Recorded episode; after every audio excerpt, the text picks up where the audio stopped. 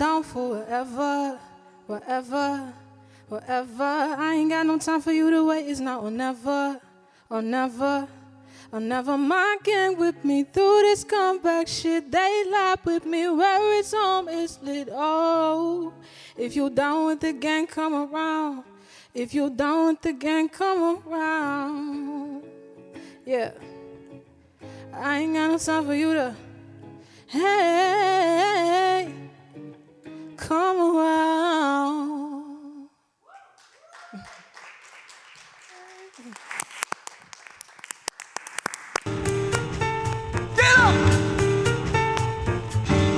Welkom bij Late Night Talks met jouw host Fatima Warsama.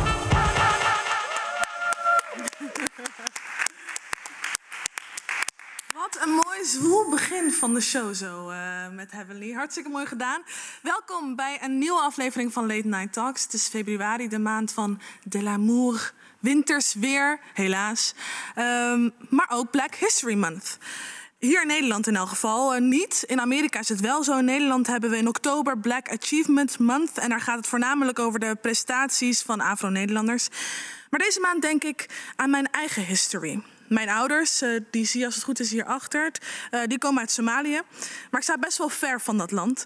Ik ben er nog nooit geweest, maar ik spreek de taal wel. En het gekke is, des te ouder ik word, des te meer ik wil weten over mijn eigen achtergrond. En dan bedoel ik meer weten dan alleen dat Somalische zenders klaarblijkelijk allemaal de slechte kapotte microfoon uh, gebruiken. Zoals op dit pareltje uit de Somalische tv-geschiedenis, waarbij deze man zijn favoriete nummer Holiday van Madonna zingt. Heel zoet, heel grappig. Laten we even kijken. Holiday. Sad play, it will church holiday. Hanate in this set said play. Come on, let's bad bless kundi or fly. This kundi or on night. This kundi, this kundi so light. ja. ja, wel grappig. Uh, tegenwoordig staat Somalië voornamelijk bekend als een land van oorlog, verderf, armoede en piraten.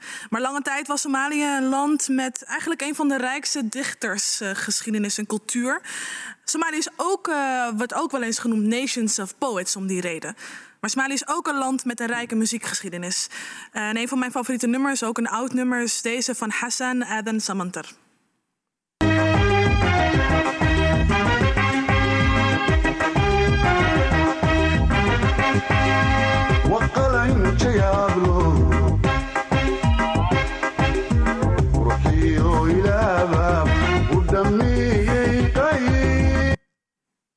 Ja, wel lekker toch?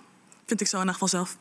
Uh, poëzie en muziek werd gebruikt als middel voor protest, voor liefde, voor grappen. En ik vraag me dan af in mijn Black History Month: hoe blijf ik in contact met mijn eigen Black History? Hoe plaats ik die in de context van Nederland met vooral een hele grote Afro-Caribische gemeenschap?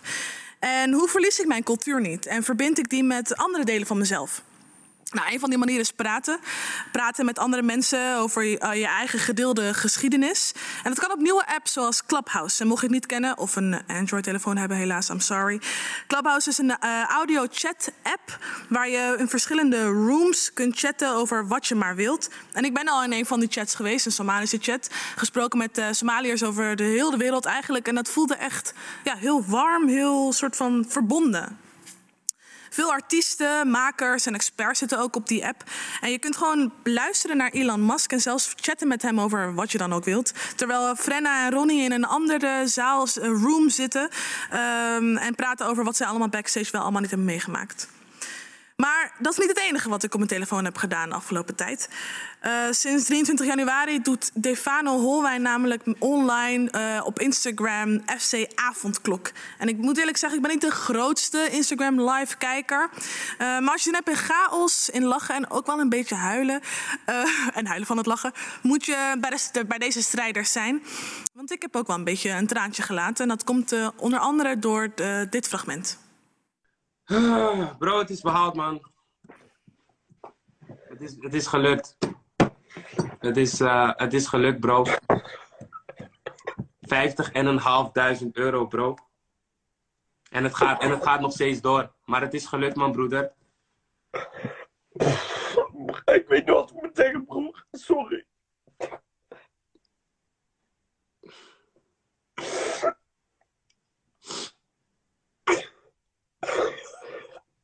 Ik ben je opa dankbaar. Ja. Dus Soufiane. Soufiane is een jongen die eh, geld op eh, wilde halen voor zijn zeldzame spierziekte. Hij wilde 50.000 euro ophalen, dus schakelde hij de hulp in van eh, Defane Holwijn en al zijn volgers. En dat gebeurde. In 40 minuten maar liefst haalden ze 5000 euro op. Uh, en veel meer dan dat. Nu staat de teller op 120.000 euro. Ja, toch wel echt een heel mooi moment. Zal nooit gebeuren zonder uh, Defano, denk ik. Ik heb voor jullie een bomvolle avond. Ik praat met uh, Younes Douari over, over Represent Yourself. Nuga Sheresta over politieke jongeren. En Ian, Ian van der Kooijen over van van Kleur de Kamer. Over wat politiek voor hen betekent en hoe je in godsnaam moet uitzoeken waar je op, op wie je moet stemmen de aankomende verkiezingen. En ik praat met onze eigen late night talks expert uh, Luca van den Bos en theatermaker Nita Lim over whitewashing en het verdraaien van de Indonesische geschiedenis.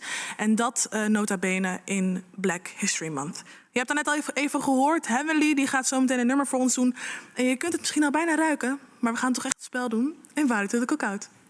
Yeah, are you invited? Are you invited to my cookout? Or not, or not, or not. Luca, Nita, welkom.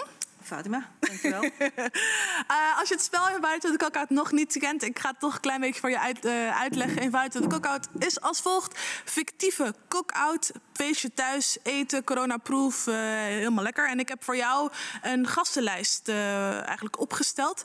En de eerste persoon die op jullie gastenlijst staat is Marije Knevel ongemakkelijke momenten vorige week tijdens een Wie is de Mol aflevering toen kandidaten Marije Knevel en Charlotte Nijs van hun ogen spleten maakten om het Zuid-Koreaanse nummer Gangnam Style uit te beelden. Dat zorgde voor veel ophef online. Op Twitter was er veel verontwaardiging. Het gebaar werd hen dus niet in dank afgenomen. De Afro-Tros heeft zijn excuses aangeboden voor het fragment uit Wie is de Mol en de omroep liet in een reactie op Instagram weten zich te schamen voor het fragment en dat het uit de aflevering wordt gehaald.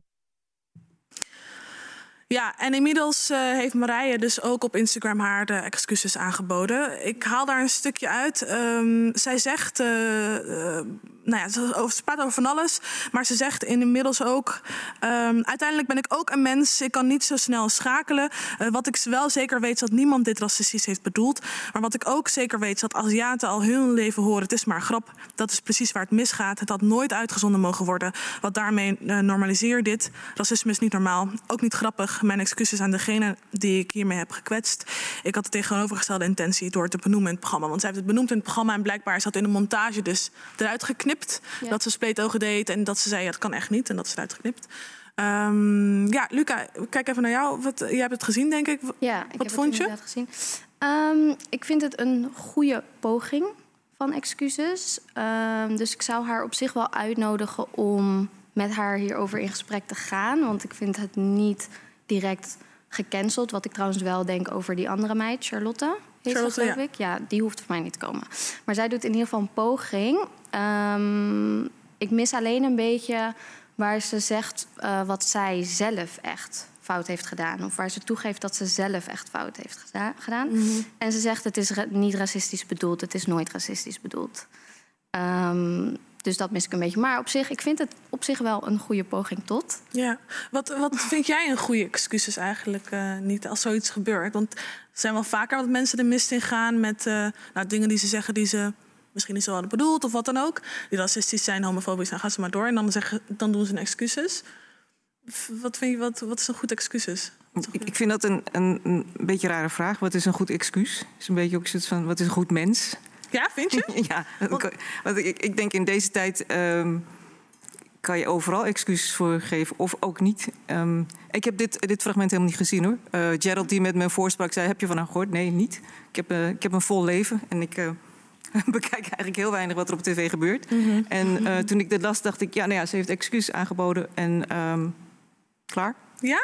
Want dat is toch wel een beetje een soort van uh, de discussie meestal. Hè? Van iemand wordt gecalled out, iemand op het internet wordt gezegd van... hé, hey, wat jij doet mag niet, of is niet ja. goed, of kwetst mij. En dan gaat iemand vervolgens op zijn of haar beurt weer zeggen van... oké, okay, nou, sorry. Ja. Uh, en soms nemen mensen gewoon niet genoegen met zo'n excuses. Dus vandaar, dat, die, vandaar die vraag ook, Luca. Wat, hoe zie jij dan een, een, een goed excuus? Ja, uh, je eigen fout toegeven uh, en inderdaad wel echt sorry zeggen. Want heel vaak zie je dat mensen dan um, zo gaan draaien dat de mensen die zich gekwetst voelen, ehm, dat daar eigenlijk de schuld bij is. Maar het spijt me dat ik jullie ehm, gevoel heb. ge- of het spijt me Het spijt me dat je boos bent. Ja, het spijt me dat jij hier boos om bent geworden. Maar snap Zo. je wat eh, Nita zegt? Van, eh, nou, een excuus is een excuus.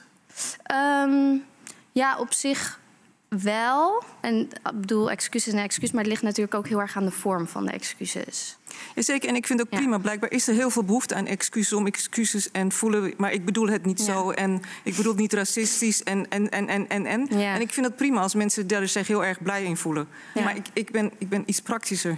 Ja. Ik heb niet zo van. Oh, je hebt heel het niet zo bedoeld. Ik, ik vind. Ik vind eh, Krampachtig misschien ook wel? nee, maar ik, ik ken dit niet Nee. goed genoeg. Ja. Ik weet te weinig achtergrond. Ik vind het eh, ehm, een dingetje. En ik wil heel graag door met jou spreken. En ik dacht, zoiets, oh, ik hoop dat we hier snel doorheen gaan door deze afdeling. Oké, ja, we gaan, we, gaan zo- we gaan naar de Het is- volgende het is, persoon. Het is niet van groot belang voor mij, eerlijk Ja. gezegd. We gaan naar de volgende Ja. persoon op jullie gastlijst. Dat is eh Younes Haat-influencer Ouali. Younes Ouali komt regelmatig in het nieuws omdat hij misinformatie deelt en oproept tot geweld tegen de politie. Younes heeft het vooral gemunt op vrouwen met een islamitische achtergrond. Als hij vindt dat een islamitische vrouw zich niet gedraagt zoals hij vindt dat dit zou moeten, dan deelt hij foto's op zijn Instagram van deze vrouwen en roept hij zijn following op om hier iets tegen te doen. Ja, Younes die, eh, ja, hij deelt dus foto's en video's van een vrouw op, op, eh, op Instagram... waarvan hij vindt dat hun gedrag niet oké is. En op, op deze week is massaal ook opgeroepen om zijn Instagram-account te blokkeren. Eh, onder andere deze Instagram-post van Tovik Dibi ging ook, ging ook een beetje viraal. Hij zegt daar eh, onder andere... er was een tijd dat ik doodsbang was voor jongens zoals Younes. Ehm, ik wilde een goede moslim zijn en wat eh, als dat niet... Wat als iemand ineens zegt dat ik dat niet ben? Wat als andere mensen dat denken? Als ik afga op mijn DM's, was en ben ik dit niet de enige. Ehm, heb jij dit verhaal gevolgd, eh, Luca? Wat- Zeker, ja. Ik heb het ook gepost op mijn Instagram. Ehm, ik volg Tovik op eh, Instagram, dus ik zag het inderdaad ook via hem. Verschrikkelijk. Deze is sowieso niet invited. Mhm. Ik bedoel, we willen het graag kort houden, toch? Dus nee, niet invited. Hij is dus een, een haatvlogger. Dat is hoe hij een beetje wordt genoemd eh, in de media. Heb jij dit een beetje meegekregen? Nee, totaal niet. Nee. ik, had iets van dat dit kan. En wat, wat ik er interessant aan vind, ik zou hem uitnodigen niet op mijn barbecue of mijn cookout, maar wel van waarom, waarom, waarom. Waarom doe je dit? Nee, maar ook waarom, eh, wat zegt dit over de wereld? En ook al die vrouwen die hier ook bang van worden, moeten we daar niet naar kijken van eh, wat hier eigenlijk achter zit? Mhm. En misschien met stel eh, systeemtherapeuten en allemaal intelligente mensen om deze man gaan zitten. Mhm. Maar ehm, ja, het is bizar. Ja, het is, Ja. Het is ook bizar. Het is bizar, maar het hoort blijkbaar bij deze tijd. Dus daar zou ik eerder naar kijken dan, Oh, dan we- wel of niet hem uitnodigen. Ja, ik denk Ja. dat eh Charissa Chatou, die zit volgens mij nu ook in de Zoom. Zij is eh, presentator, journalist bij KRO en CRV-programma ehm, eh, Propaganda. En zij heeft uh, Younes ook geïnterviewd hierover. Charissa, Yes, je bent er? ik ben er. Horen jullie me goed? Ja. Ja. Eh, hoe ben je dit verhaal een beetje op, de, op het spoor gekomen? Ehm, ik ehm, zag op Twitter had een, een, een, een, een, tiener, ik denk dat een ja, meisje gedeeld, dat zij dus op zijn Instagram was geplaatst. En ik kende hem helemaal niet. Dit is iets van drie maanden geleden. En toen dacht ik, hè, waar gaat dit over? Want het meisje was gewoon aan het protesteren op een Black Lives Matter ehm, eh, protest. En zijn naam viel toen. En toen ben ik gewoon een beetje om me heen gaan vragen: hey, wie is deze jongen? Want ik ken hem niet.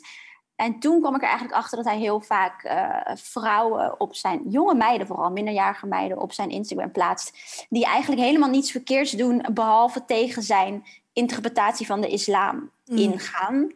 Ehm, en ja, dat, dat, zo kwam ik op, op, op zijn spoor, zeg maar. Ik wist niet zo goed wie hij was. En toen zag ik dit en toen dacht ik, oké. En toen ging ik hem nog opzoeken en dan zag ik dat hij ook nog een YouTube-kanaal had met superveel volgers. En daar werd ook niet altijd eh, de waarheid eh, gesproken. Ja.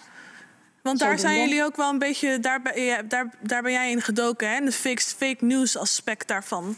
Want heel veel wat Ja. hij zegt klopt gewoon niet. Onder andere, ja, we begonnen de uitzending eh, met een, eh, een filmpje waarin hij het heeft over hoe kan je zien dat een vrouw maagd is. Nou, alleen al een filmpje maken met zo'n kop is natuurlijk ja, uit en voor- wat mij betreft. Maar ehm, daarin zegt hij ook een paar dingen over het vrouwelijk lichaam. En dat gaat al verkeerd. Want ja, zeggen dat vrouwen moeten bloeden bij de eerste keer ehm, seks, dat is gewoon niet zo. Dat is een mythe. Maar heel veel eh, culturen, weet ik, die houden daar nog heel erg aan vast. En als dat dan niet gebeurt, dan is dat heel erg voor zo'n vrouw. Ehm, En als hij dan met zo'n groot publiek, ik bedoel 40.000 mensen hebben dat filmpje gezien, dat nog steeds naar buiten brengt, dan gaat er iets goed mis. En mensen nemen hem helaas heel serieus ook. Vandaar dat ik het belangrijk vond om ook de misinformatie eruit te halen. En ook dat hij ja, die meiden dus plaatst omdat zij tegen de islam ingaan of zo. Nou ja, dat is natuurlijk de interpretatie die hij heeft. Ja. Eh, Hij, hij roept ook veel van zijn volgers op om eh, ja, toch wel ook wel na de berichten te sturen naar mensen. eh, eh, ja, toch wel best wel heftige gevolgen van zijn eigen woorden. Waren jullie als team ook bang dat dat misschien bij jullie zou komen, omdat jullie zijn verhaal aan het licht eh, hebben gebracht? Ja, daar was ik in eerste instantie wel bang voor. Ehm, maar ik dacht ook, er staat volgens mij, nou, er staat van mij niet per se iets online wat je heel erg tegen mij kan gebruiken. Ehm, dus daar was ik in ieder geval ehm, niet bang voor. Maar ik dacht ook, weet je, ik ben een journalist en hij is in het openbaar vrouwen aan het shamen. Dan mag ik in het openbaar ehm, hem onder de loep nemen. Van waarom doe je dat? En wat haal je eruit en wat is je doel? Ehm, dus in die zin, ja, ik was even angstig van wat gaat hij ermee doen. Maar nu denk ik ook al van ja, ik denk dat het heel goed is dat we die uitzending hebben gemaakt. En ik sta er echt voor een eh, vo- volle 100% achter. Ehm, en nee, ik ben nu niet meer zo bang of zo daarvoor. Nee. Een laatste vraag, want eh, als gevolg van de aflevering hebben veel mensen hem ook eigenlijk op gaan, gaan eh, blokkeren en gaan rapporteren op Instagram. Eh, Ja. Was dat ook een beetje jullie doel of hoe ging dat? Nou ja, als journalist is dat natuurlijk niet het doel. Ehm, eh, het was meer dat ik wilde blootleggen van dit soort mensen bestaan. En ik vind dat zij meer aandacht mogen krijgen, om, zodat de wereld ziet wat er gebeurt online. Ehm, en dat is in ieder geval gelukt. En ehm, gisteren is er tijdens de raadsvergadering in Amsterdam... ehm, is er ook gepleit door GroenLinks... om dat onder andere wat Yunus Ouali doet... om dat online intimidatie, online seksuele intimidatie te noemen. En dat toe te voegen aan, aan, aan, of dat in ieder geval te behandelen als intimidatie, want dat wordt tot op heden niet gedaan. En dat vind ik belangrijk. Ik vind het belangrijk dat het is opgepakt door de politiek en dat het wordt besproken. En hopelijk eh, ja, komen we een, een wereld tegemoet waarin dit soort jongens niet ontzettend veel macht hebben en waar vrouwen vrijer op het internet kunnen leven. Ja. Dat is wel een beetje het doel Ja. wat hij eraf had. Ja. Super bedankt, Charissa. Dank je. Jij bedankt, thank you. Charissa zei het al net een beetje politiek. Daar ga ik het zo meteen hebben, maar, eh, over hebben. Maar ik ga het met jullie hebben eh, over Indonesië. Laten we even kijken. Naar aanleiding van een door de overheid aangepaste Wikipedia-pagina over de film De Oost, is er wederom licht geschenen op een belangrijk gedeelte van de geschiedenis van Nederland, Indonesië. Tot op heden wordt het koloniale verleden van Nederland door Nederland niet volledig of zelfs onjuist verteld. Hoog tijd dus om het echte verhaal van Indonesië te bespreken. Vanavond bij ons aan tafel over dit onderwerp theatermaker Nita Lim en programmamaker Luca van den Bos, die beide persoonlijk verbonden zijn aan het land.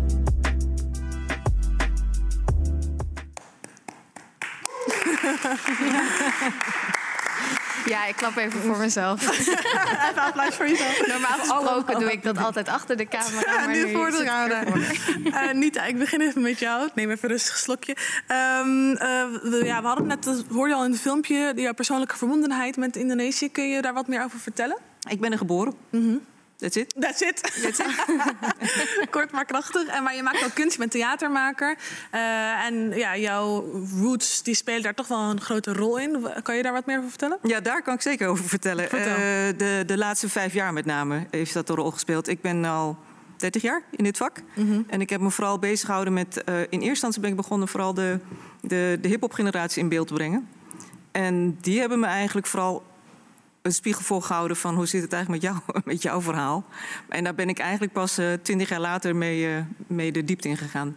Dus ik deed even heel kort. Ik ben eh, daar geboren in Java, op Java. En op mijn vijfde ben ik naar Nederland gekomen. En eh, nou, de eerste, zeker de eerste 10, 20 jaar... heb ik eh, heel erg de missie van mijn ouders eh, willen volbrengen. Namelijk een Hollands meisje worden. Dus voor mij bestond heel Indonesië en het Aziatische niet. Ja. Behalve natuurlijk als ik eh, audities ging doen opeens, eh, of in de spiegel keek. Ja. En, eh, maar dat waren echt wel twee verschillende werelden. Hoe ik eruit ja. zag, hoe ik van binnen voelde en hoe ik me gedroeg. Ja. En de laatste... Nou, het, het is niet van een op de andere dag gebeurd... maar ik denk zo mm, de afgelopen tien jaar... eh, toen ik eigenlijk ook zag dat heel veel van de hip-hop jongeren omheen... het eigenlijk allemaal hartstikke goed doen... en minder een, eh, een coach of een, eh, een sterke vrouw achter zich nodig hadden... dacht ik, ik begin aan mijn eigen verhaal. En de afgelopen jaren... ehm, eh, heb ik eigenlijk mijn eigen verhaal centraal gesteld in onze producties. En eh, dat heeft heel veel opgeleverd. Ja, waar begin je dan? Als je, als, je, als je zegt dat er toch best wel al een hele tijd niet hebt verdiept... en dan toch wel op die manier wil gaan verdiepen. Hoe, hoe begon je daar dan mee? Mm, nou, ik, uh, ik had ook na heel veel zelf uh, regies te hebben gedaan... en vooral als regisseur of theatermaker zit je vooral aan de kant. Mm. Ja. En, en de mensen... Ik hoefde niet zelf niet zo in de spotlights. En de spelers die, die waren voor mij het, uh, het belangrijkste.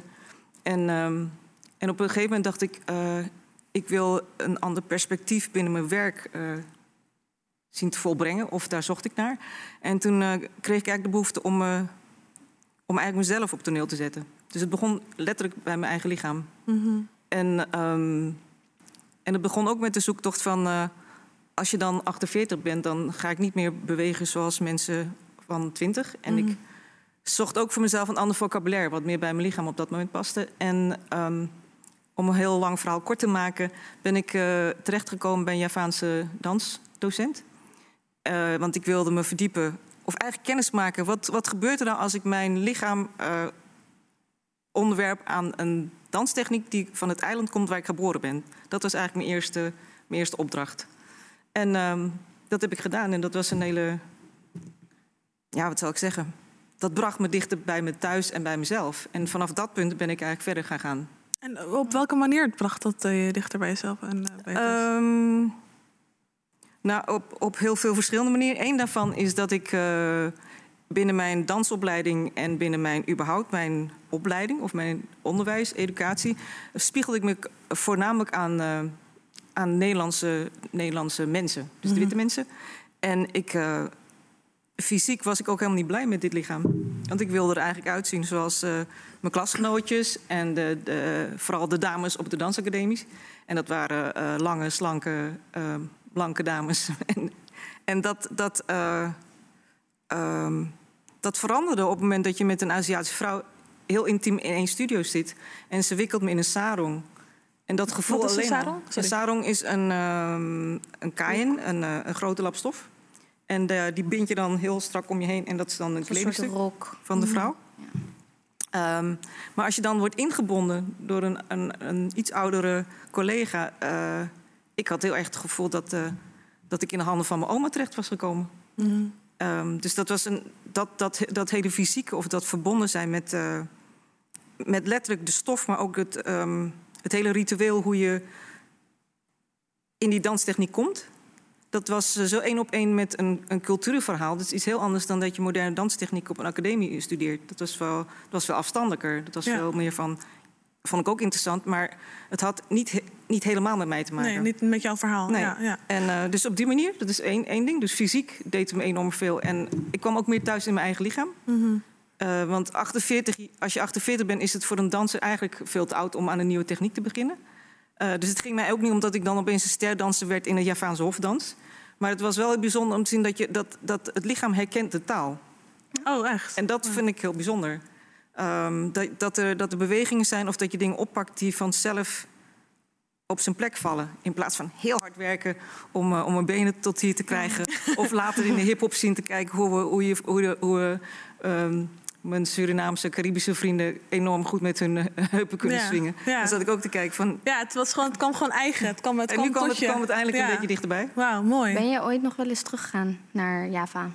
Um, in dat jaar, in dat, 2010 was voor mij echt zo'n cruciaal jaar. Dat ik uh, en besloot weer te gaan bewegen, te gaan dansen. En uh, ik besloot ook uh, naar Java te gaan. Voor het eerst? Niet voor het eerst, voor de tweede keer. Ah, Oké. Mhm. Voelde het dan ook meer keer. als warm thuiskomen?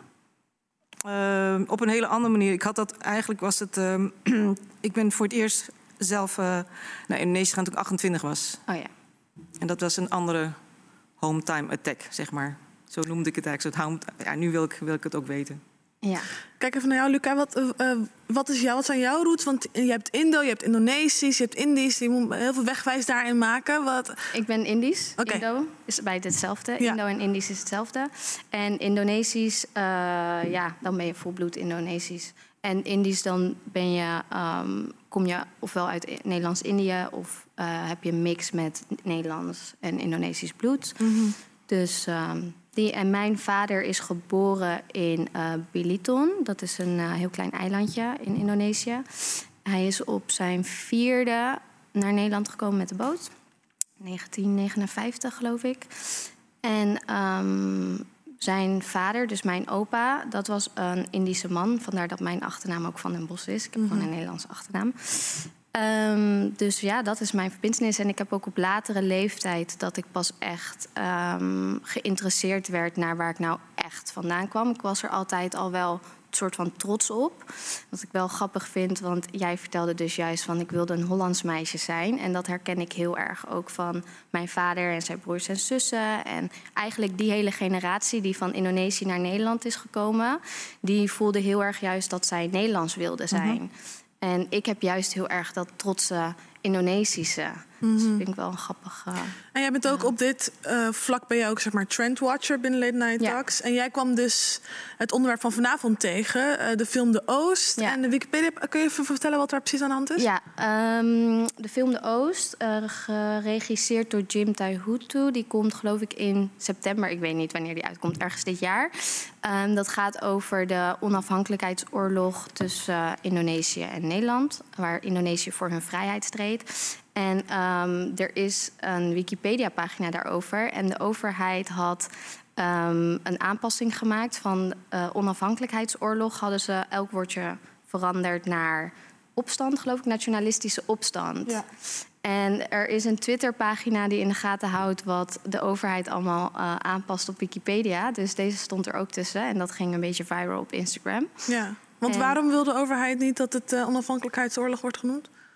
Omdat dan ehm, Nederland in de fout zit. En als zij toegeven dat zij eh, fout waren tijdens deze periode, dan moeten zij heel veel mensen heel veel eh, schadegeld gaan betalen. Mhm. En toch heeft de koning ehm, een soort van stukje erkenning, excuses aangeboden. Klopt, ja. Ehm, Dit jaar. Dit jaar? Toch? 2000, na, nee, 2020. Vorig jaar was dat Vorig inderdaad. jaar. In, in, in Indonesië geloof ik ook. Ja. Laten we even kijken.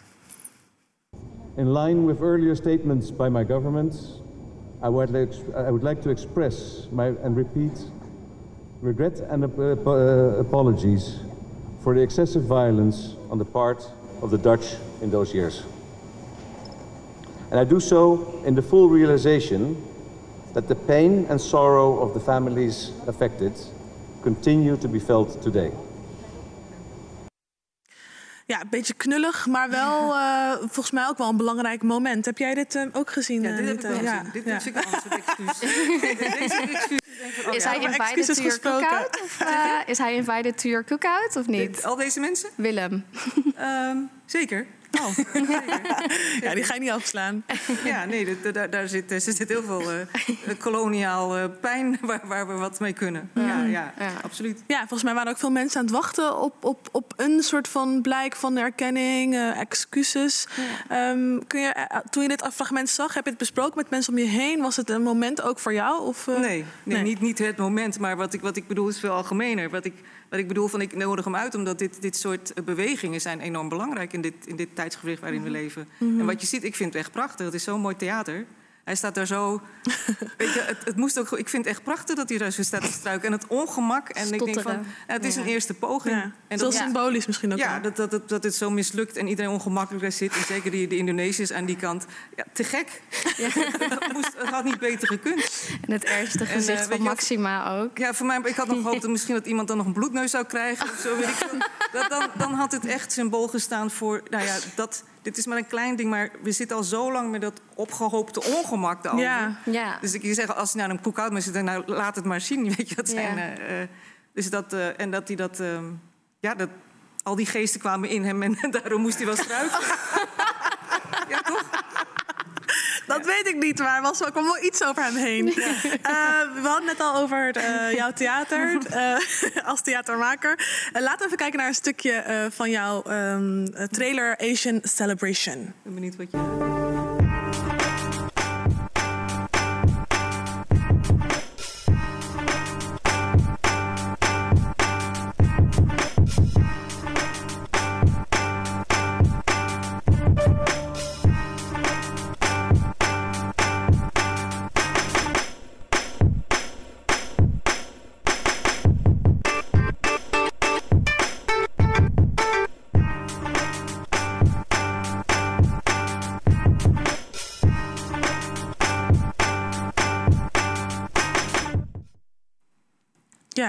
Is an Asian persuasion? It's an Asian realization.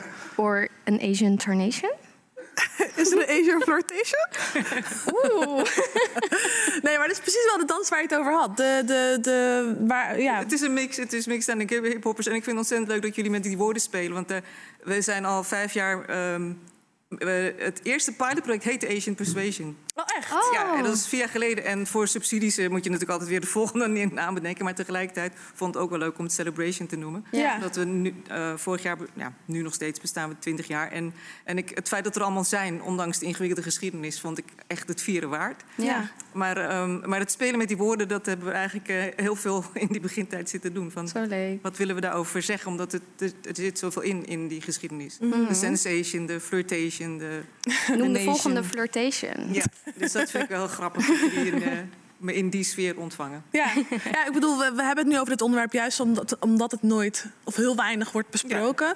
Ehm, we kunnen het ook niet over de hele Indonesische geschiedenis hebben. Eh, maar wel even een vraag aan jou, Luca. Complex, veel te Ehm, complex.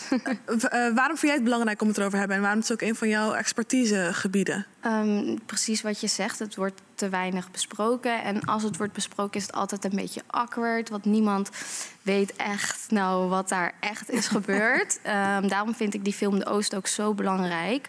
Omdat die gewoon een eh, kant gaat laten zien, denk ik. Ik heb hem nog niet gezien, maar zoals het erop lijkt. Die nog niet is verteld. Ehm, en het is ook een heel lastig en complex verhaal. En ik denk dat het nu eindelijk de tijd is om dat te beginnen te ontrafelen. Mhm. Dat inderdaad zoveel eh, Indische mensen hierheen zijn gekomen met het gevoel dat Nederland eh, wel heel goed was, terwijl dat eigenlijk niet zo was. En Mhm. daar is dan een hele tweestrijd ook. Het is heel complex. Ja.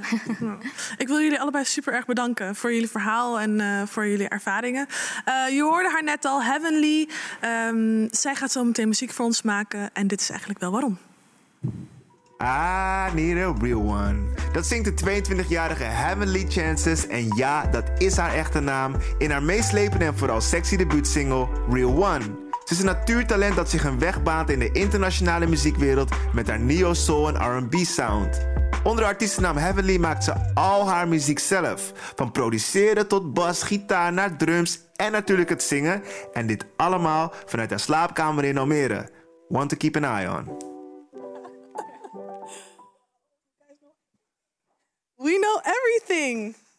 welkom, Heavenly, welkom. Thanks for having me. Ehm, je komt uit Almere, 1300. zeker weten. Eh, en je hebt net je eerste, een van je eerste singles eh, gedropt. hè? Yes, Real One. Die ga je zo meteen ook voor ons doen. Waar Daar gaat ga het nummer over? doen. Real One, ehm, je kan het altijd vanaf eh, verschillende perspectieven bekijken, want dat is graag hoe ik mijn muziek creëer. Maar ehm, deze track gaat voornamelijk over ehm, being in tune with yourself and your environment. En bewust worden van, de, van je huidige realiteit. Mhm. En ehm, het is zeg maar een track waarin je het moment neemt voor jezelf om echt te gaan kijken van oké, waar ben ik nu? Ja. Wat heb ik tot nu toe allemaal gedaan, bereikt? In wat voor omgeving ben ik? Ja. Staan al die componenten in mijn leven op de juiste plek? En waar wil ik nog naartoe? Dus welke, welke componenten staan op de juiste plek? En welke moet ik loslaten om te komen waar ik wil zijn? Mooi. Dus, Komt er een album, een, iets, komt er nog iets aan? I mean, I'm working on a little something. Vertel, I'm working wanneer on a komt het? Weet je het al? Ik kan nog niet vertellen wanneer het komt. Maar ehm, laat me zeggen dat er wel ehm, ja, behind the scenes hard wordt gewerkt. Ja. eh, om alles klaar te stomen. En when the time is right. Mhm. Sowieso dit jaar komen er gewoon nog zeker nieuwe tracks online. Leuk. Ehm, ik wil graag ook nog ehm, wat dingetjes tussendoor doen. Ehm, Ja, just to share my perspective and connect with the people and stuff. Maar ik werk aan een EP en ja. Spannend. Ik hoop dat je dan Ja. als je EP uitkomt, dat je dan hier weer terugkomt. Eh, ik speel altijd met de artiest een spel en deze keer speel ik Rap Roulette.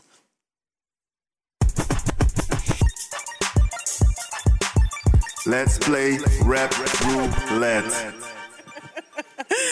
Ga stuk. Yes, let's play a rap roulette. Eh, het spel is als volgt. Wij krijgen zo meteen vier woorden te zien, deze vier woorden. Eh, ik krijg vier woorden apart. Jij krijgt ook nog eens vier woorden. Ja. Ehm, eh, waarin, en dan moeten we die woorden moeten we gaan verwerken in een rap. Ja, echt een rap. Mhm. Eh, Nathan staat daar. Die eh, heeft eh, allemaal tracks voor ons. En wij moeten dat een beetje gaan beginnen. Zal ik beginnen of trap jij hem af? Nee, je mag beginnen. Oké. Are you ready? I'm not ready.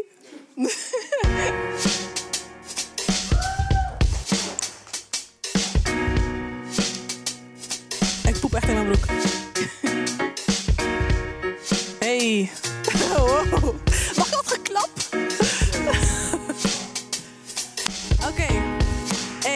Hey, hey. Je wilt je kontje pieren. Maar ik ben geen dier. Eh. Ik ben een borrelman, maar nooit ben ik bang.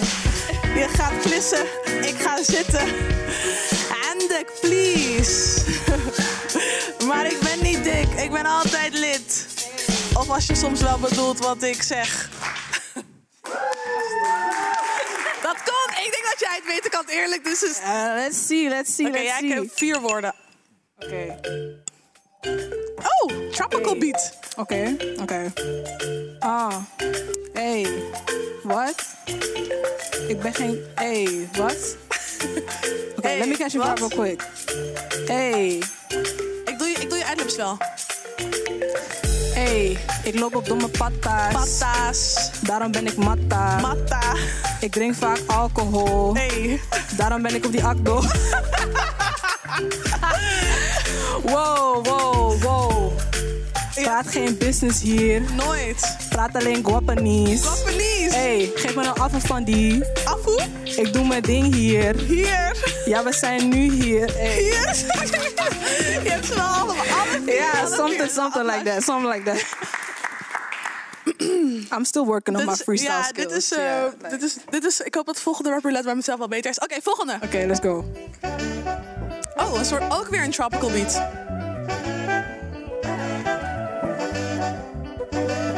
Hey, ik speel geen tikkie. Ik krijg geen hikkie. We hebben never nooit Mickey. ik smoke een Reggie.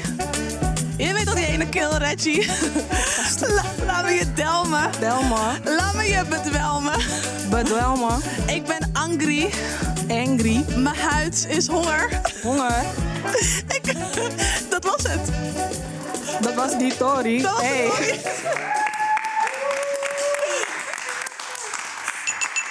Y'all got me out here. Doing, Y'all doing, got me out here doing dumb shit. Oké. Oké, oké, oké. Hey. Vroeger was ik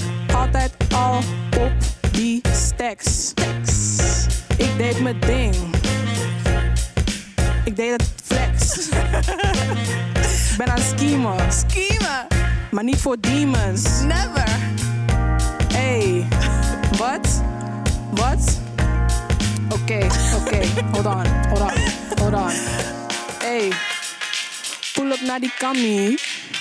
Hey, wow, wow, de big go off. De big go off. Big- eh, Gooi hem nog één keer, nog één keer. Herkansen. Ik doe met je mee, ik doe met je mee. Heb je geen jug beat of zo? Heb je geen chief keep daar of zo? Een instrumental? Oké, dat is fine. Ai. Ah. Ik chill niet in hot dress. Hot dress. Alleen Habbo Hotel. Hotel, hotel. Ik doe mijn ding hier. Hier. Ja, dat doe ik zeker wel. Wel. Want ze willen op me schemen. Schiemen, schiemen. Maar ik scheme niet op die demons. Never, ever. Flex hier in die ISO. Hey. En ik ga de waggie pakken. Pak hem in de nachtbus. Want we gaan naar Kami. Ik weet niet. ik weet niet, man. Ik- ze heeft gewoon gewonnen hoor. Ze heeft gewoon gewonnen. Sowieso. ik ga stuk. Nou, ik ga schiemen en praten en allemaal dingen doen met eh, de mannen hier aan tafel. Want we gaan praten over politiek. De verkiezingen komen steeds dichterbij, wat reden is voor Late Night Talks om nogmaals dit onderwerp aan te kaarten. Dit keer met de focus op hoe je de juiste persoon vindt om op te stemmen. Iemand waar jij je mee kan identificeren en het zo inzetten dat je stem wel nut heeft. Yunus Douari, medeoprichter van het initiatief Represent Jezelf. Nuga Shrestha, oprichter van de Instagram-pagina Politieke Jongeren. En Ian van der Kooijen, oprichter van Kleur de Kamer, schuiven alle drie aan om dit te bespreken.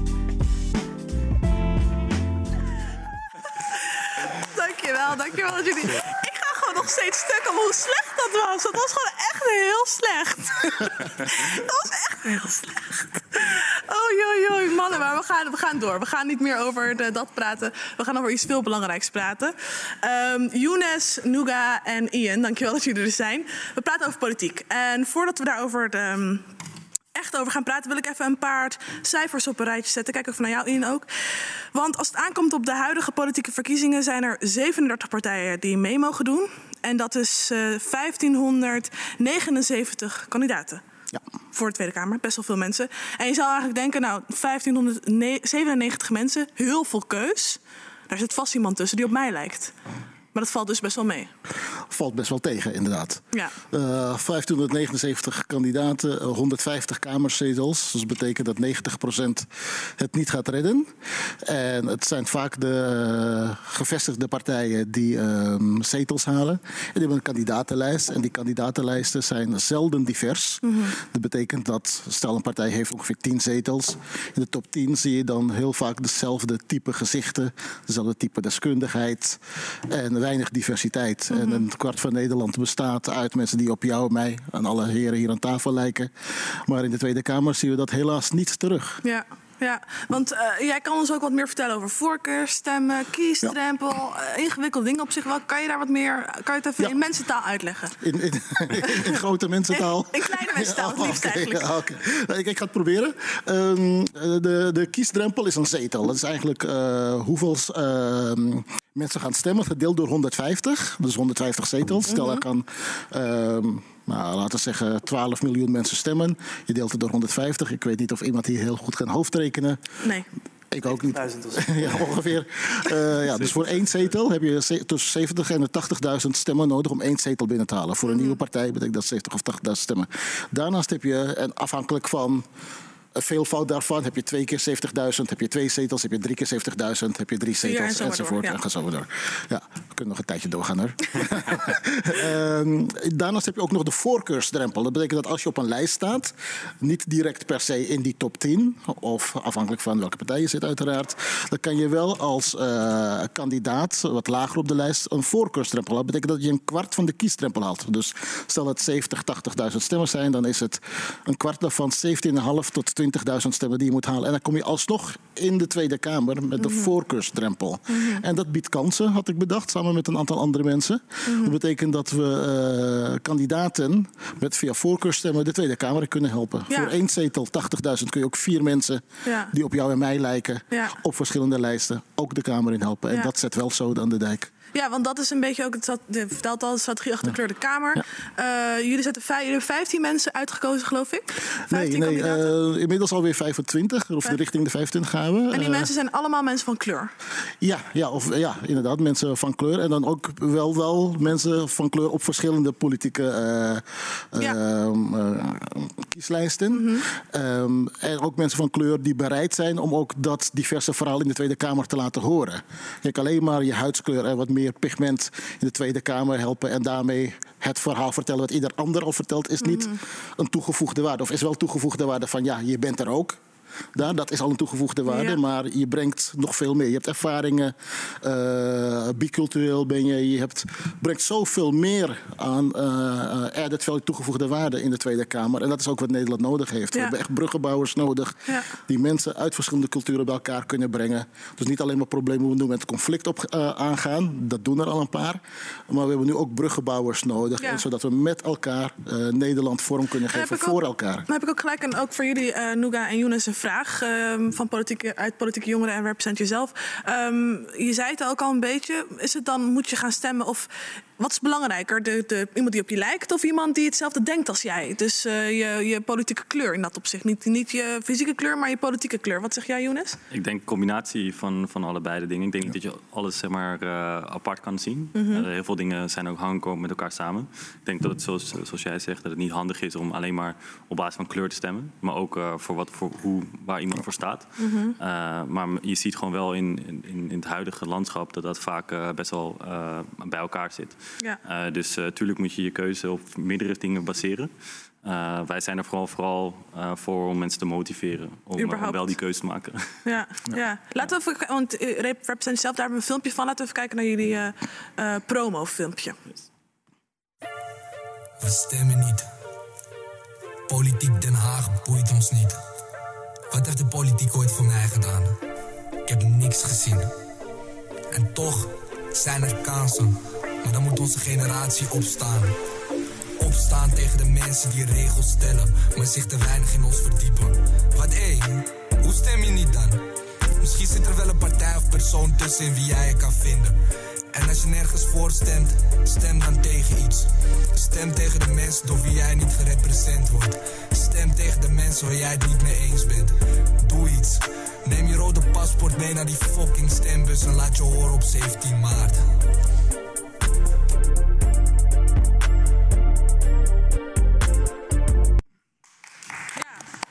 Ja, verdient ook wel een applaus.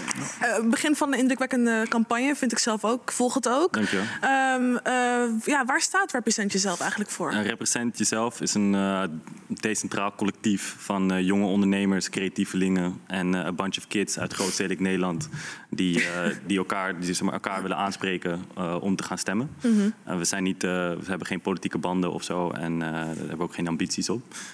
Maar we willen gewoon onze, onze gemeenschappen eigenlijk gaan motiveren en informeren. Dat met, met het verhaal dat het belangrijk is om, om je stem te laten gelden. Mm -hmm. Want als je dat niet doet, dan word je dus niet gerepresenteerd. Ja. En als je niet gerepresenteerd wordt, dan zijn er dus nie, is er niemand in, de, in politiek Den Haag die voor jouw belangen strijdt. Mm -hmm. dus het bij, bij stemmen. en vanuit daaruit proberen wij zeg maar, ja, een soort van een kleine, een kleine oplossing te bieden aan het thema. Omdat ja. En jullie informeren jongeren ook, zeg Ja. maar, de, op, op, op jullie eigen manier. Ja. Ehm, je hebt ook een serie ehm, Politics Explained, Ja, geloof klopt. ik. Waar we op een super luchtige manier Ja. dit uitleggen. En waarom hebben jullie gekozen voor die toon? Ja, omdat eh, ja, dat is de taal van de jongeren. Ja. Dat is de taal van de communities die, die eh, op die manier eh, met elkaar eh, communiceren. Eh, ik ken die wereld ook. Eh, maar er zijn ook gewoon heel veel mensen die op die manier met elkaar praten. Eh, Mhm. Kijk, de taal die wij hier spreken is ook, eh, ook anders. Ehm, en daarom vinden wij het belangrijk om, om de mensen die, waar, waar zij zich zeg maar, in kunnen herkennen. eh, om die zeg maar, met, hun, met hun het gesprek aan te gaan. Eh, Ja. En dat vinden wij super belangrijk. Ja, authenticiteit misschien ook wel. Vol. Ja. Eh, authenticiteit, eh, herkenbaarheid. Eh, dat, is, dat zijn hele belangrijke dingen die ook in de politiek gelden. Het is ook heel belangrijk dat jij, kan laat, dat jij zeg maar, kan, iemand kan zien in Den Haag die op jou lijkt. Ja. Die, zeg maar, die, de, die jouw verhaal kent, die jouw belevingswereld kent. Ja. En daarom is het belangrijk om te gaan stemmen. Ja. Nuga, jij bent van Politieke Jongeren. Instagram-pagina. Bijna 60.000 volgers, geloof ik. Ehm, hoe ben je daarmee begonnen? Want je doet het in je eentje, toch? Ja, ik doe het nu nog in mijn eentje. Maar Ja. het idee is wel dat ik het ook eh, ja, breder ga aanpakken met meer Mhm. mensen. Ik had nooit verwacht dat er zoveel volgers zouden zijn. Dat is eigenlijk ook sinds dit jaar is dat volg- volgersaantal zo gegroeid. En eh, dat geeft ook wel aan dat er, dat er behoefte is aan zo'n platform, blijkbaar, onder jongeren in Nederland.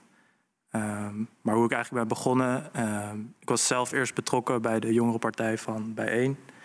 En eigenlijk toen ben ik politiek actief geworden. Maar in het verlengen daarvan eh, dacht ik ook, er moet iets op social media zijn. eh, wat een breder publiek aanspreekt ook. eh, en waar ook continuïteit in zit. En toen ben ik eigenlijk met politieke jongeren ben ik gaan posten. Gewoon Mhm. wekelijks. wat is er in het nieuws? Is er iets nieuws gebeurd in de politiek? Maar überhaupt ook gewoon nieuwswaardige dingen. En dan eigenlijk een beetje met mijn eigen visie en mijn eigen kijk erop.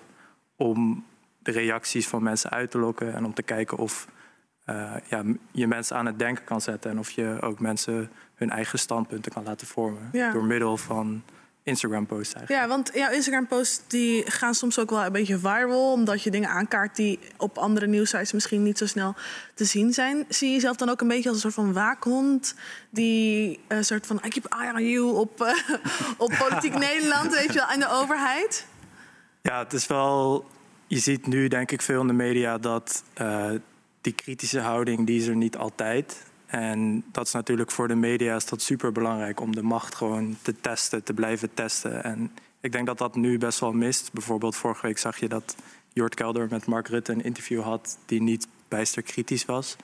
En ik hoop ook met dit platform inderdaad dan eh, dat kritische geluid die misschien niet altijd in Den Haag te horen is. Want ik heb het idee dat journalisten misschien eh, het een beetje schuwen, omdat ze wel in contact willen blijven met Den Haag Mhm. natuurlijk en die access willen hebben.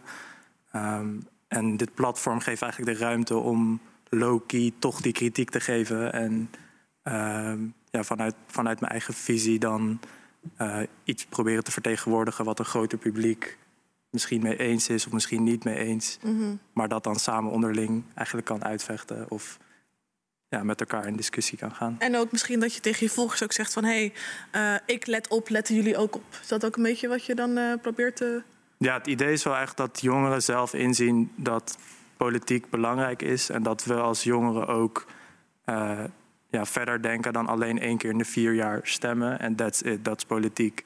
Ik denk dat we echt moeten beseffen dat we macht hebben, ook als jongeren. Ja. En dat we in het democratische proces meer dan alleen stemmen belangrijk is. En eigenlijk door, ja, door die kritische houding, door die waakhondfunctie, zorg je ook voor dat jongeren misschien een idee hebben van: oké, die tools kan ik ook aanpakken. En eh, ik hoop daarmee ook dat jongeren ook zelf campagnes starten. Of misschien meer iets politieks of activistisch. Mhm. Via die weg eigenlijk, eh, ja, via Instagram, waar nu veel jongeren op zitten. En ja, dat is eigenlijk wel wat ik hoop. En wat, wat ik nu ook wel zie, denk ik, op Instagram, dat steeds meer eh, activistische en politieke platforms opkomen. Ja. Eh, verschillende campagnes. En ja, ik denk dat dat wel verder zal ontwikkelen ook. En dat mensen ook soort van het heft in eigen handen nemen. Ja, en zichzelf gaan een beetje, mobiliseren. ja, ja, ja. BLM is daar een heel groot voorbeeld van, maar ook de klimaatbewegingen in Nederland. Maar de hamvraag is een beetje, ook een beetje voor mij, en ik denk ook heel veel mensen die kijken, hoe vind je dan iemand die op jou lijkt? Kijk even naar jou, eh, eh, Ian. Eh, Sorry, Ian. Ja, geen probleem, Fatima.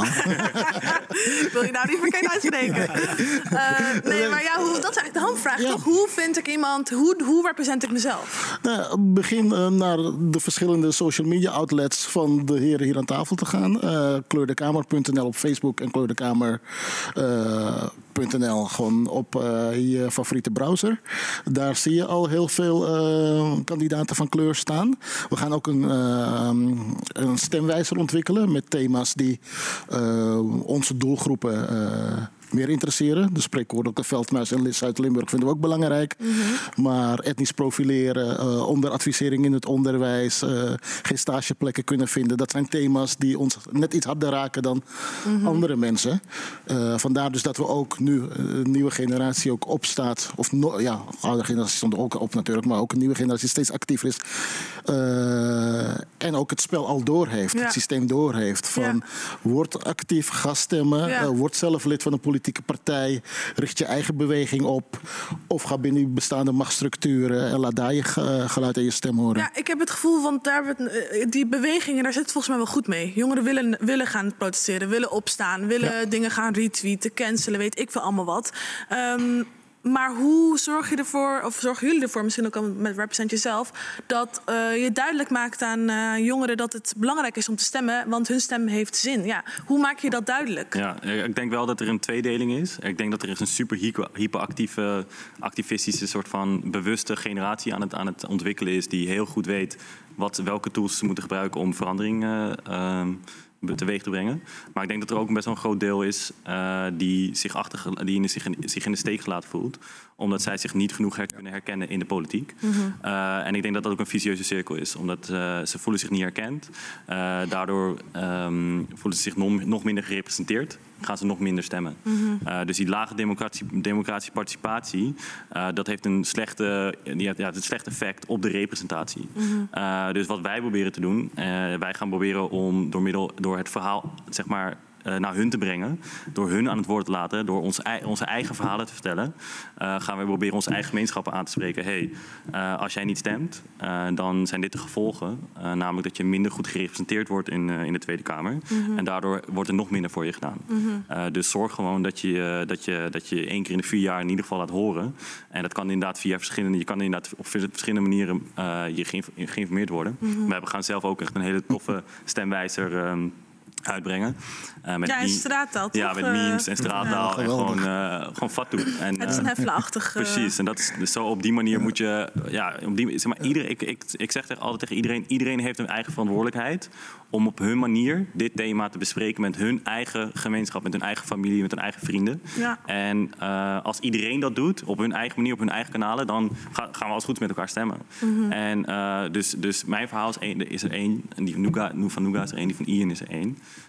Eh, en dat, dat vind ik ook goed dat iedereen, dat iedereen op hun manier die verantwoordelijkheid pakt. Ja, ja. want eh, ik bedoel, als we nu kijken naar de, naar de peilingen, zijn het voornamelijk de grote partijen die eh, best wel zeg maar, hoog in de peilingen staan. Zijn ook mensen, ook mijn moeder bijvoorbeeld, die vroeg ook gedacht: oh, nou, dan stem ik wel strategisch. Dan ga ik voor de, de minst slechte partij, die toch wel een beetje in de peilingen staat. Eh, want dan zorg ik ervoor dat, ehm, nou ja, dat, dat, dat soort van dat rechtse geluid, wat door mijn moeder, of in ieder dat andere geluid, eh, uitgebalanceerd wordt. Wat, wat zeg je daar dan van, Ian? Als, Eh, Ian. Ian, ja, ga ik weer. Fatima. Moet je gewoon elke keer zeggen als ik je naam verkeerd zeg, nee, eh, kijk, stem allereerst op de partij die het beste bij je past. Ja. Dat, dat is gewoon altijd het devies, weet je wel. Eh, stem binnen die partij op de persoon die jou het beste kan vertegenwoordigen. Besef daarbij wel dat een nieuwe partij 80.000 stemmen nodig heeft. En dat als er mensen zijn bij andere partijen die vergelijkbare dingen zeggen... je kan nooit 100% zin krijgen. Dat je er ook vier van die mensen op die lijsten naar voren kan schuiven. En dat is ook strategisch stemmen. Dus niet van, oh, rechts groeit en ik ga links stemmen. Eh, stem ook gewoon op mensen die eh, jouw verhaal eh, vertellen, jouw ervaringen hebben die letterlijk en figuurlijk op je lijken. Dat is ook een andere vorm van strategie. Maar ga allereerst stemmen bij een partij die bij je past. Ja. En dat is volgens mij denk ik dat we dat allemaal zeggen. Er is genoeg diversiteit eh, bij jongeren, is genoeg bij, diversiteit bij mensen Ja. van kleur. Maar die diversiteit- meer gaan stemmen. Diversiteit is ook al verwarrend. Ik bedoel, ik zei net al 37 partijen. Dat is, een, dat is echt een shitload van partijen. Superveel partijen, superveel mensen om uit te kiezen. Nu kijk ik even naar jou. Is, hoe de, wat voor tip heb je om mensen een beetje wegwijs te maken... in al die verschillende soorten smaakjes van links, rechts en midden?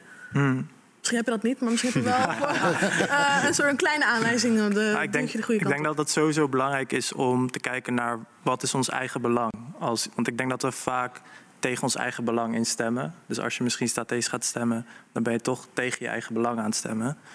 Ehm, en dat is ook weer direct verbonden eigenlijk aan wat onze idealen zijn. En ik denk dat we misschien in deze tijd wat minder idealistisch zijn ook.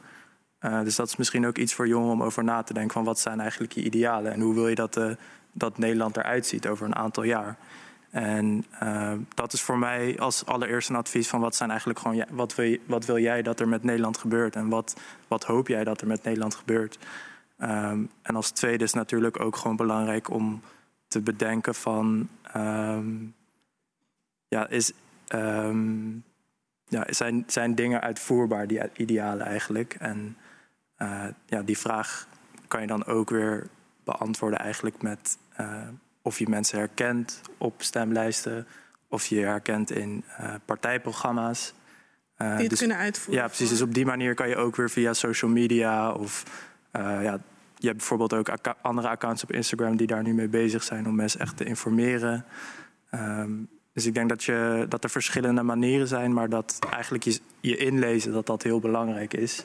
Mhm. En ook te kijken van wat is eigenlijk mijn eigen belang en stem ik wel, eh, stem ik wel voor mijn eigen toekomst op een goede manier. Ja. Ik, ik zou er wel iets aan toe willen voegen. Eh, wat ik wel belangrijk vind om te noemen is dat mensen kunnen ook natuurlijk naar peilingen kijken. Peilingen zijn, zeggen niet alles. Peilingen kunnen er soms ook één of twee zetels naast zitten. Maar eh, ze geven wel aan welke partijen een reële kans maken om in de eh, Kamer te komen. Ja. Het zou zonde zijn als straks eh, 60.000 jongeren op een partij eh, stemmen.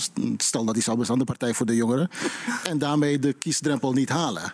Want Die bestaat trouwens volgens mij. Partij voor de Jongeren. Oké, staat die op de lijst? Ja, Oké. ik- Nou, ik ken het niet. Maar goed, Volgens mij, hij komt, hij, hij ja, 21 heet het volgens mij. Oh, hij komt in ieder geval niet eh, de Partij voor de Jongeren, als die al bestaat. Die, ehm, eh, die heeft nog geen zetel. Dus het zou zonde zijn als er 60.000 mensen, jongeren, daarop zouden stemmen. Terwijl er ook jongeren staan op lijsten van andere partijen. Mhm. Waardoor je drie jongeren met die focusdrempel binnen kan halen. Dus houd dat ook in de gaten. Eh, dat het wel partijen moeten zijn die een reële kans maken om in de Kamer te komen. En kijk dan binnen die partijen eh, of je daar een jongere of iemand vindt waar je het goed mee kan vinden. Als ik daarop mag reageren, dan eh, ja, ben ik niet helemaal mee eens. Omdat ik denk dat juist... Ah, er ontstaat een debat. ik denk dat je juist dan eh, dat strategische stemmen ehm, juist faciliteert. Om, om als, je, als je die redenering gebruikt. Eh, en ik denk dat, dat, die- dat we juist heel erg naar onszelf moeten kijken. Naar el- elke kiezer. En denken van oké, wat wil ik het liefst? En, en da- op de, vanuit daaruit een keuze maken. Want ik denk dat we heel lang het spelletje hebben gespeeld van eh, welke, welke strategische keuze kan ik maken. Ehm, en ik denk dat je daar juist een, een scheve representatie krijgt eh, eh, binnen, binnen in Den Haag in die 150 zetels die we kunnen verdelen. Dus ik zou juist eigenlijk iedereen willen oproepen om, eh, om niet strategisch te stemmen. en gewoon volledig naar zichzelf te kijken in de zin van oké, welke partij vind ik het, vind ik het fijnst? En ook al is dat een kleine partij. Ja, vind ja, dan zou ik daar gewoon nog steeds op stemmen. Ja. ja, de reden waarom ik het zeg is van de komende jaren gaan er heel veel dingen gebeuren. Eh, er komen nieuwe dingen aan, problemen waarvan we nu nog niet weten dat problemen zijn. Dus het is juist superbelangrijk dat jongeren en mensen met een biculturele achtergrond in die Tweede Kamer komen. Dat het niet weer eh, ja, zo wit eh, is als dat het nu is. Een kwart van Nederland heeft een biculturele achtergrond. Een kwart van de Tweede Kamer, daar zie je het niet. Daar heeft 90% eh, geen biculturele achtergrond. Eh, dus juist nu is het heel belangrijk. En het zou zonde zijn om mensen op het verkeerde been te zetten. En te zeggen van, hey, ga met z'n allen eh, stemmen op partij die het beste bij je past, maar die totaal geen kans maakt. Waardoor we straks weer met lege handen staan. Dus eh, die, die, die informatie maar moeten is- mensen ook weten. maar dit is de crux. Om daar een keuze in te maken. Ja. Ja, als allerlaatste, dan, ehm, wat je net zei, eigenlijk ook al zei over die foutmarges binnen peilingen. Dat is natuurlijk ook, daar zit ook de crux, zeg maar. In de zin van,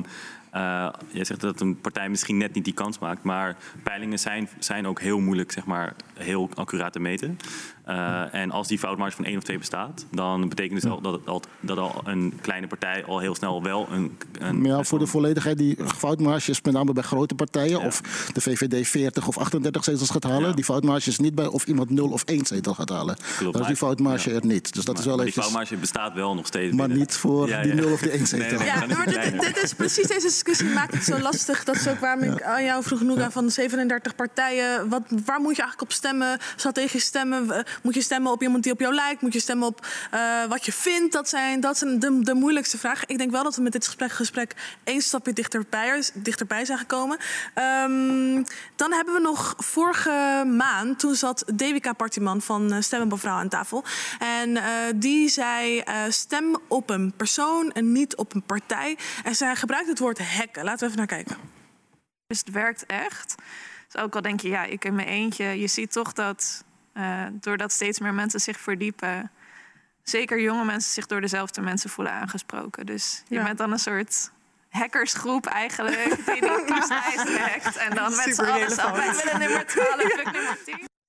Ja, tussen al het gelach door zei ze dus... eh, je voelt je dus een soort van hackers, eh, eh, hackersgroep... die eh, politiek systeem aan het infiltreren is... Door, door te stemmen op iemand die jij tof vindt. Dat vonden wij als Lena Tax wel, wel sexy. Dus daarom hebben wij de hashtag, hashtag hack the system eh, in het leven geroepen.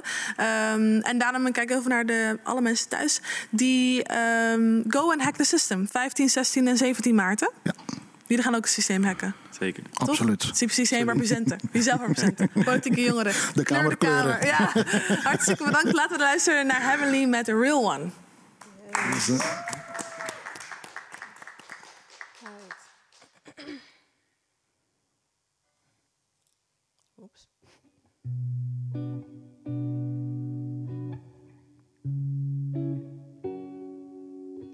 Hey.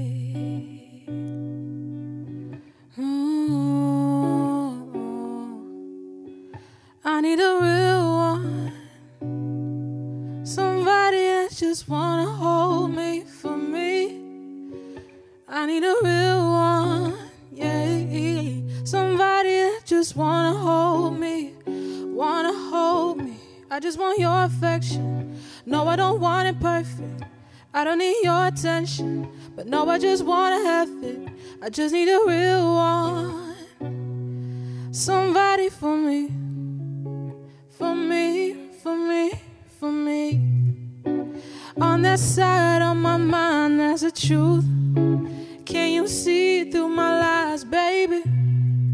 Oh, I can hide, I can guard all of you. Then you find you want a bad chick you can kick her with and that put her money on top. But I'm that bad chick, I don't do no folding, I got busy shits that I run. You wanna spoil me, wanna hold me, I don't sell these, Can't control these, don't want no cross-eyed nigga.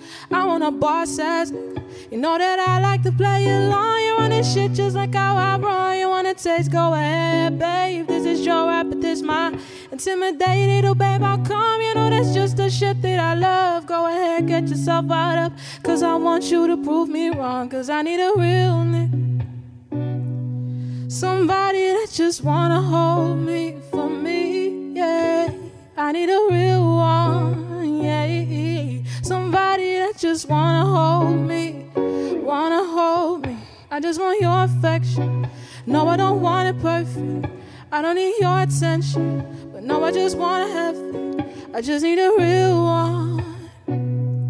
Somebody for me, for me, for me, for me. And my denial is still going strong. It feels so right, that's why I'm holding on. We gon' be better, that's what you promised me. You know exactly what to do to me. Understand just how much I could feel. And you know what's right, you know what's real. Something so good that I wanna receive it. So good that I wanna That wanna hold me for me. Yeah. I need a real one. Yeah. Somebody that just wanna hold me. Wanna hold me. I just want your affection. No, I don't want it perfect. I don't need your attention. But no, I just wanna have it, and I need a real one, yeah.